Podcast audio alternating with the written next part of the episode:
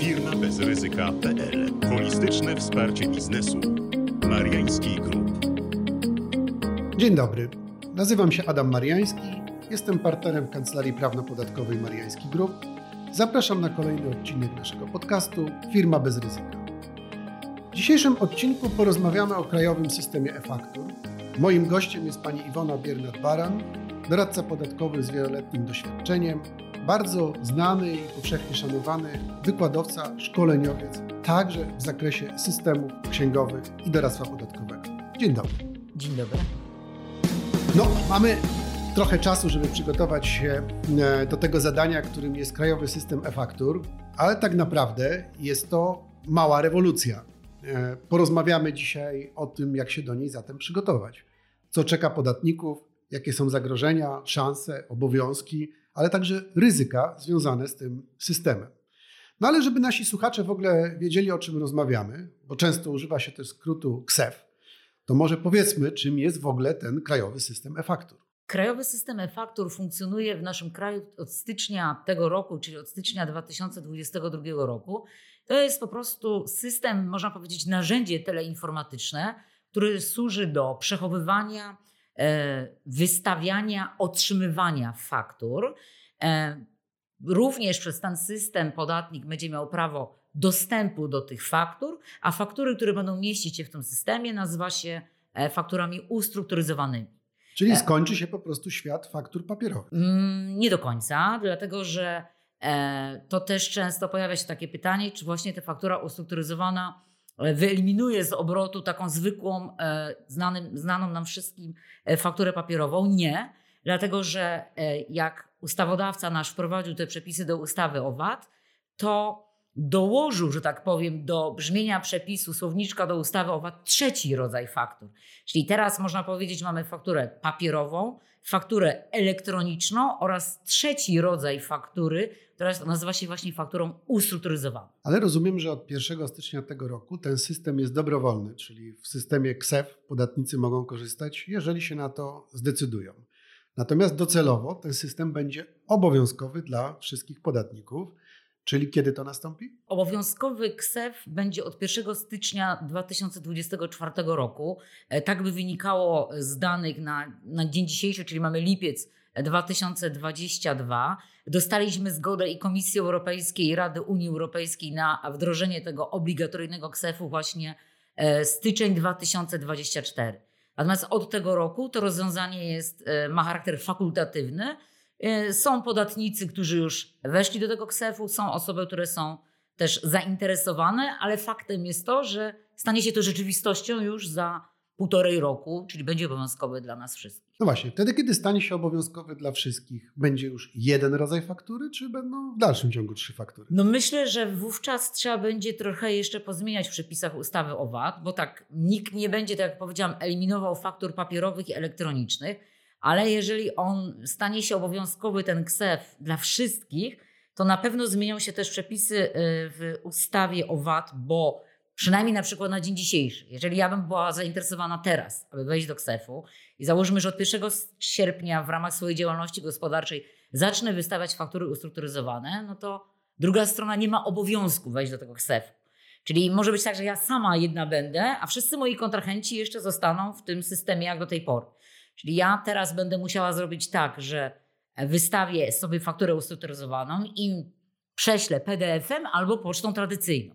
Natomiast w momencie, kiedy on się stanie obowiązkowy dla wszystkich, to pewne przepisy z obrotu będą musiały być wyeliminowane, chociażby właśnie dlatego, że, że y, no, to się zmieni, że będzie obowiązkowe. Natomiast nie zakłada się wyeliminowania jeszcze faktur elektronicznych oraz faktur papierowych. Rozumiem, że to może też dotyczyć chociażby zakupów przez konsumentów, którzy będą chcieli w dalszym ciągu papierowe faktury, jak kupuje pralkę, lodówkę, po to, żeby móc to mieć odłożone, kiedy kupili, no chociażby kwestie gwarancji czy rękojmi.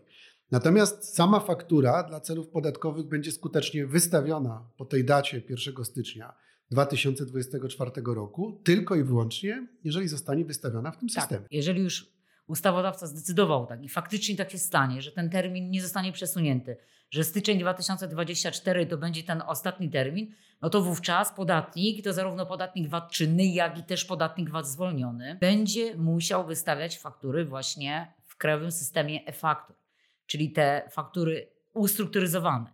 To jak właśnie zadane tutaj zostało pytanie, czy dalej te inne elektroniczne e, będą, to będzie wyglądało w techniczny sposób, w ten sposób, że ja wystawię fakturę ustrukturyzowaną i będę mogła przekonwertować tą fakturę na przykład do PDF-a jedną fakturę albo jakąś dowolną paczkę faktur.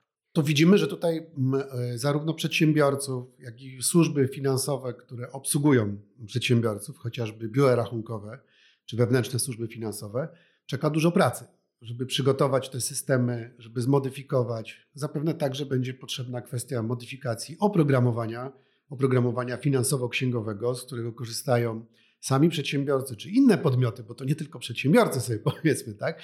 bo to również jednostki publiczne będą musiały się do tego e, dostosować. Więc dużo pracy jest i kosztów e, po stronie tych podmiotów zobowiązanych do wystawiania faktur. W związku z tym pojawia się takie pytanie, czy ktoś nie będzie musiał, już wtedy, kiedy będzie obowiązkowy ten system, wystawiać faktur w tym krajowym systemie e-faktur. Przewiduje się tak, że jeżeli stanie się to faktycznie obligatoryjne z tą datą, o której mówiliśmy, no to wszyscy podatnicy VAT czynni zwolnieni będą. Czy powiedziałem, że nawet katalog tych podmiotów jest szerszy, bo nie mówimy tylko o podatnikach VAT czynnych, ale również o podatnikach VAT zwolnionych, no bo ci też zgodnie z przepisami rozporządzenia mogą wystawiać faktury. Chyba, że to byłby podatnik, który po prostu nie będzie stosował NIP-u, ale co do zasady, no to wszyscy podatnicy VAT czynni zwolnieni. Czyli to też będzie działało w ten sposób, że no, większość z nas, prawda? A tutaj, jak zostało wspomniane, e, że wiąże się to z jakimiś nakładami finansowymi, no na pewno tak, bo e, cel działania tego systemu, mm, można powiedzieć w prosty sposób, że ma działać to następująco. Albo mamy sobie jakieś tam programy księgowe, z których korzystamy lokalnie, albo na przykład w chmurach i wtedy muszę je dostosować poprzez firmy, które sprzedają tego typu oprogramowania, ale też Ministerstwo Finansów przewidziało taką sytuację, żeby właśnie nie inwestować albo żeby nie wiązało się to z zarzutem zbytniego dużego wydania pieniędzy na ten system, będzie możliwość działania e, z poziomu przygotowanej na ten cel platformy Ministerstwa Finansów przez darmową aplikację, ale to nie będą w stanie za bardzo zrobić podmioty większe. Czyli ta darmowa aplikacja będzie przydatna dla małych, mikro i małych przedsiębiorców, zwłaszcza jednoosobowych działalności gospodarczych, finanserów, którzy wystawiają na przykład jedną, dwie faktury miesięcznie i wtedy nie potrzebują dodatkowego specjalnego oprogramowania, żeby taką fakturę wystawić i zarządzać w ogóle tym systemem. E, jednoosobowa działalność gospodarcza może to zrobić jeszcze w następujący sposób, czyli z e-mikrofirm. Ta aplikacja webowa została dostosowana właśnie do tego rozwiązania, czyli to by było dobre rozwiązanie. Natomiast zdecydowana większość podatników, i to nie tylko dużych, ale też takich no, średnich, e, zrobi to po prostu poprzez API, czyli przez program księgowy, z którego korzysta, i API to jest taki interfejs elektroniczny, który łączy e, systemy teleinformatyczne między sobą. Można powiedzieć taka potocznie wtyczka. Czyli po prostu my z swojego programu księgowego prześlemy to do tego KSEF-u. No, czyli to, co rozmawialiśmy przed chwilą. Programy komputerowe, programy rozliczeń finansowych, księgowych będą wymagały jakichś dostosowań do tego systemu. No i na pewno lepiej rozpocząć te prace już niedługo, e, żeby się dostosować e, do, e, do tego systemu, a nie w ostatniej chwili, kiedy stanie się on obowiązkowy dla wszystkich. Bo tutaj może jeszcze powiedzmy, bo jak rozumiem, jak on jest dobrowolny, to dzisiaj firmy mogą sobie już testować funkcjonowanie tego systemu. Tak, na stronie Ministerstwa Finansów jest takie środowisko testowe, gdzie można to rozwiązanie przetestować. I przynajmniej ze strony Ministerstwa Finansów wychodziły takie komunikaty, że jeżeli podatnik chce, teraz jakaś firma sobie chce sprawdzić, jak to działa, po prostu wchodzimy, logujemy się na tą stronę testową i wpisujemy dane, które są danymi w pełni zanonimizowanymi. Nie wpisujemy dan, tak, danych prawdziwych i ono nie, to, to, że tam wpiszę te dane, nie wywoła żadnych skutków podatkowych. Za jakiś czas zostanie to usunięte ze strony Ministerstwa Finansów. Wydaje mi się, że warto to narzędzie sobie przetestować teraz, bo tak jak tutaj zostało wspomniane, no te koszty mimo wszystko będą, bo załóżmy, że albo muszę dokupić jakieś nakładki do programów komputerowych i systemów teleinformatycznych, księgowych, albo jak są firmy, które korzystają na specjalnie dedykowanych dla nich programach, no to w ogóle wiąże się z pracą informatyków przy wsparciu osób zajmujących się podatkami. No może za czym przejdziemy jeszcze do dalszych kosztów, e, kwestii technicznych, dostępu do tego oprogramowania, do tego systemu. Ja chciałbym się zapytać o takie plusy i minusy tego rozwiązania. No bo jak rozumiem, dla samego ministerstwa, a dokładnie Krajowej Administracji Skarbowej, podstawowym plusem jest to, że w czasie rzeczywistym widać wystawiane faktury. Czyli tutaj już nie trzeba szukać tych e, pustych faktur, słupów, bo to widać. E, jest także to, że te faktury wszystkie będą w tym samym formacie, będą e, możliwe do przesyłania również grupowo, więc to wszystko jak gdyby pojawi się łącznie z innymi rozwiązaniami, które były wcześniej wdrażane przez Ministerstwo Finansów, chociażby jak STIR, możliwość blokowania i tak dalej, no bo tu już będzie informacja na bieżąco. Tak? Czyli nasz wielki brat uzyskuje kolejne źródło, kolejną aplikację czy kolejny mechanizm, który pozwala pozyskiwać więcej informacji o podatnikach w trybie rzeczywistym. E, wiemy także, że to umożliwi e, skuteczniejsze działanie w zakresie luki podatkowej, czyli po prostu oszustw podatkowych w podatku VAT. No ale po stronie podatników, no bo to są te rzeczy, o których rozmawialiśmy, na pewno będą koszty. Ale czy są jakieś plusy tego rozwiązania? No, Ministerstwo Finansów, y, już zachęcając podatników do ewentualnego skorzystania nawet dobrowolnego z KSEF-u, przedstawiło e, kilka plusów. E, w mojej ocenie e, jeden z nich jest zdecydowanie taki faktycznie korzystny dla podatników. Dwa, pozostawiam ocenie tu wszystkich Państwa. Natomiast może od początku. No na pewno przewidziany został zwrot VAT-u w terminie 40 dni. E, czyli o 1 trzecią przyspieszony zwrot VAT-u. Z tym, że jak wejdziemy do przepisów, e, które regulują to, no to też nie tak od razu, dlatego że trzeba tam spełniać pewne warunki, czyli trzeba być co najmniej 12 miesięcy podatnikiem VAT-u, e, trzeba wystawiać faktury ustrukturyzowane w tym okresie, którego zwrot dotyczy, no i tam kwota do przeniesienia ma nie przekraczać 3000 zł, czyli już mamy jakieś ograniczenie. No ale jest to zwrot VAT-u w terminie 40 dni. Drugim takim plusem jest to, że podatnicy, którzy będą korzystać z KSEF-u, nie będą wzywani do JPK-FA na żądanie. A trzecim plusem, i moim zdaniem on jest chyba najbardziej korzystny, no to jest kwestia faktur korygujących in minus. Czyli od, tam nastąpiła taka sytuacja, że w styczniu roku, roku ubiegłego zmieniły się przepisy do korekt in minus. Zostały wprowadzone w zakresie Steamvatu jedne takie rozwiązania, które niekoniecznie były dla podatników dobre. No, kwestia do, do gromadzenia dodatkowej dokumentacji, spełnienia warunków, wystawiania faktur. Niektórzy mówili, że tam zamienił stryk siekierkę na kijek, bo trochę było lepiej, jak było potwierdzenie odbioru otrzymania faktury korygującej niż jest teraz. Ale praktyka pokazuje, że jakoś podatnicy z tymi rozwiązaniami sobie radzą. Natomiast jeżeli wejdą do KSEF-u, to te przepisy nie będą w ogóle przedmiotem ich zainteresowania. Dlatego, że wtedy to jest bardzo dobre rozwiązanie. Faktura, w tym też faktura korygująca, wystawiona przez podatnika, od razu ten księgowy ją księguje. W tym samym okresie rozliczeniowym, który ją e, wystawił. nie musi czekać na potwierdzenie nic, odbioru. Żadnych... Żadnego, żadnego e, takich rzeczy nie będzie musiał robić. Więc moim zdaniem to jest taki zdecydowany plus. Natomiast dla organów podatkowych, to tak jak tutaj właśnie zostało wspomniane, chyba największe plusy są dla organów podatkowych. No bo to jest kwestia mm, analizowania i kontrola poprawności dokumentów z tych wystawionych faktur, czyli kwestia analityczna. Nawet Ministerstwo Finansów twierdzi, że zmniejszy się liczba kontroli podatkowych, bo będą dane już dostępne do analizy przez MF, czy dokładnie Krajową Administrację Skarbową, czyli będzie bardziej precyzyjne typowanie do kontroli podatkowej. Czyli będą typować już tam, gdzie będą widzieli, że coś się e, dzieje nieprawidłowego w tym podmiocie. Tak, a dodatkowo można jeszcze dodać, że E, dokumentacja w zakresie KSEF przechowywana będzie przez organy podatkowe 10 lat. Czyli w zasadzie dwa razy dłużej niż okres przedawnienia zobowiązania podatkowego. Czyli nawet jak my swoją już usuniemy, to dalej KAS my będzie miał dostęp. ognisko z naszych, e, e, z naszych deklaracji, a ministerstwo dalej będzie w ich posiadaniu. Oczywiście kwestia faktur i korekt to jest bardzo ciekawe zagadnienie, bardzo złożone. Notabene zapraszamy na szkolenie E, dotyczące właśnie faktur, ich korekt w 2022 roku e, w naszym instytucie szkoleniowym, czyli Instytut Księgowości i Doradztwa Podatkowego. Natomiast e, tego tematu na pewno dzisiaj nie wyczerpiemy, bo bardziej rozmawiamy o samym systemie KSEF-u niż o samych korektach.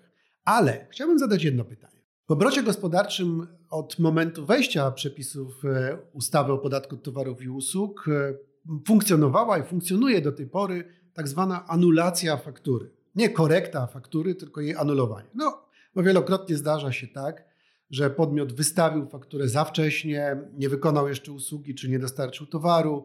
W związku z tym ta faktura de facto nie dokumentuje czynności, która miała miejsce, więc ją się anuluje i tyle. Czy po wejściu krajowego systemu e-faktur będzie można anulować fakturę, czy też tu będą konieczne korekty? No bo jak rozumiem, faktura, która trafi do tego systemu, jest już fakturą skutecznie wystawioną. Tak, faktura, która trafiła do tego systemu, jest skutecznie wystawioną i też tutaj dodam, że fakturę uznaje się właśnie za wystawioną w dniu przesłania jej do KSEF-u, a otrzymaną w dniu nadania tej fakturze numeru identyfikującego. Faktycznie w obrocie gospodarczym mamy e, taką instytucję jak anulowanie faktury. E, tyle, że tutaj jak popatrzymy na kwestie związane z KSEF-em, to wydaje mi się, że e, będzie to wyglądało następująco. Ta faktura, która zostanie wydana zgodnie ze wzorem, przejdzie nam zgodnie ze wzorem, ona już jest nieedytowalna. Czyli ja tej faktury edytować nie mogę, czyli jeżeli będzie coś błędnego na tej fakturze, to należałoby wystawić korekty faktur. A te korekty faktur z kolei po wprowadzeniu tych zmian w zakresie KSEF-u doprowadzą do takiej sytuacji, że ta faktura korygująca, która zostanie wystawiona, nie będzie potrzeby jej odebrania, czyli tak jak mówiłam wcześniej, ta będzie korzyść z tego wynikająca. Co do samego anulowania, na dzień dzisiejszy należałoby się odnieść do strony Ministerstwa Finansów, z której to wynika, że de facto będzie możliwe takie anulowanie właśnie poprzez korektę taką do zera, która nie będzie wymagała potwierdzenia. No tak, bo to będzie anulowanie, bo nie będzie wymagało potwierdzenia przez odbiorcę. A tu mieliśmy często do czynienia z taką sytuacją, że kontrahent nie chciał podpisać korekty faktury, bo uznawał, że ona w ogóle jest niezasadna. Czyli w ogóle nie powstał obowiązek podatkowy, bo nie było towaru na przykład. Tak? Więc jeżeli takie będzie rozwiązanie, to de facto będzie to anulacja, tylko będzie to anulacja przez korektę, czyli korektę do zera w tym Trochę przypadku. Tak. Bo co innego jest oczywiście standardowa korekta, czyli zmieniamy ilość towaru, cenę jednostkową, czy inne pozycje faktury, no to to jest typowa korekta. Zresztą, tak jak mówiłem, e, o tym będziemy jeszcze szerzej rozmawiać na szkoleniu. No dobrze, to są korekty faktur, e, możliwość e, wystawiania, już powiedzieliśmy, ale ciekawi mnie jeszcze jedna rzecz, bo ten, który dostarcza towar lub świadczy usługę, wystawia tą fakturę, ale nabywca powinien ją odebrać. Czy on dostaje jakieś powiadomienie, czy on to automatycznie odbiera, czy wymaga to jakiegoś działania ze strony nabywcy towaru lub usługi? Na dzień dzisiejszy mamy taką sytuację, że e, system wymaga akceptacji odbiorcy nabywcy, czyli jeżeli ja wystawię fakturę ustrukturyzowaną, to druga strona musi się na to zgodzić. Nie jest powiedziane, w jaki sposób ona ma się zgodzić. Na pewno nie ma takiej możliwości i nie będzie takiej możliwości w systemie KSEF. Czyli system nie będzie obsługiwał akceptacji nabywcy co do odbioru faktur ustrukturyzowanych z takiego powodu, że załóżmy, że ja teraz wejdę do KSEF-u, tak jak powiedziałam, na przykład od 1 sierpnia, moi kontrahenci nie wejdą, ale wspomnieliśmy o tym, że samo bycie w KSEF-ie daje mi pewne plusy. Na przykład zwrot VAT-u w terminie 40 dni. I nikt z nich nie będzie, z tych kontrahentów, czyli nikt mi nie potwierdzi w systemie, to nie oznacza, że ja stracę prawo do tego zwrotu w terminie 40 dni. Ale co do zasady, wymaga akceptacji odbiorcy drugiej strony.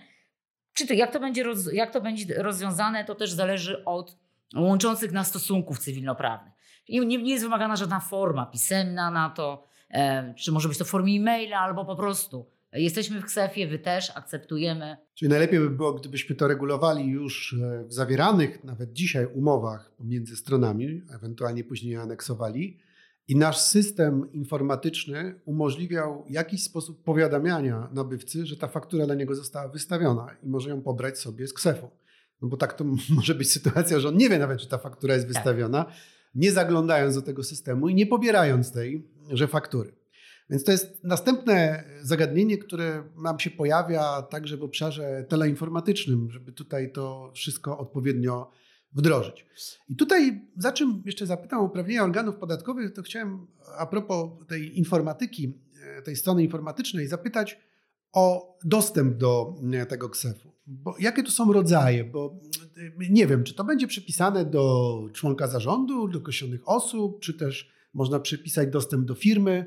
Jakie to są przewidywane rozwiązania? Jeśli chodzi o dostęp do KSEF-u, to można powiedzieć w taki prosty sposób będzie wyglądało to następująco. E, są jakby uprawnienia właścicielskie i uprawnienia pośrednie. Uprawnienia właścicielskie zawsze będzie miał podmiot prowadzący działalność gospodarczą, czyli szef, właściciel firmy. No ale najczęściej jest tak, że on nie zajmuje się księgowaniem i wystawianiem faktur, więc da takie uprawnienia pośrednie wybranej przez siebie osobie. Już on zdecyduje komu, czy to będzie główna księgowa, czy jakiś dyrektor, jak on uzna, a ta osoba nada kolejne uprawnienia osobom zatrudnionym. Załóżmy, że to jest firma, która zatrudnia pracowników.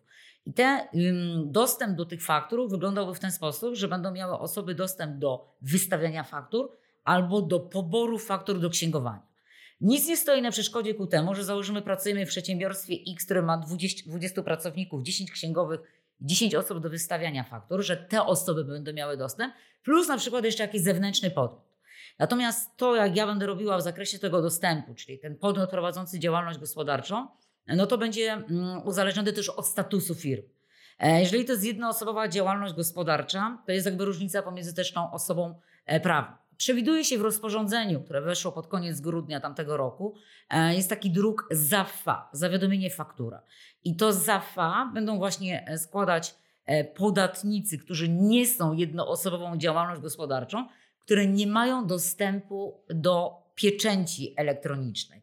A co do zasady, mówiąc tak w skrócie, jak to ma wyglądać, no to te panie, które będą się tym zajmować, czy te osoby, wystawianiem faktur czy księgowaniem, będą to robić za pomocą ePUAP-u, kwalifikowanego podpisu elektronicznego, tokena czy pieczęci elektronicznej. Taka jest możliwość. Czyli pojawia, się, pojawia nam się trochę nowych rozwiązań tutaj dostępu również do tego systemu.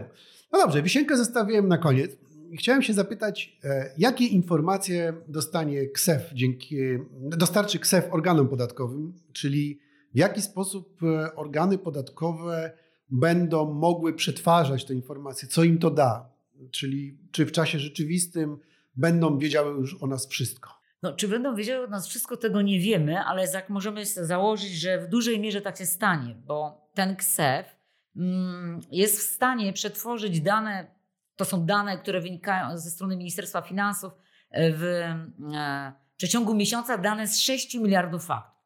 E, dla przykładu JPK FA na żądanie, czytając kiedyś wyniki kontroli Najwyższej Izby Kontroli, JPK FA na żądanie przez okres 6 miesięcy dostarcza dane z 6 miliardów faktur. Czyli ten KSEF zrobi to o dużo krócej, prawda? Zrobi to w trakcie miesiąca jest połączony, będzie połączony z JPEG-iem, to nie oznacza, że JPEG-i nie będzie, bo JPEG jak, najdalej, jak najbardziej będą.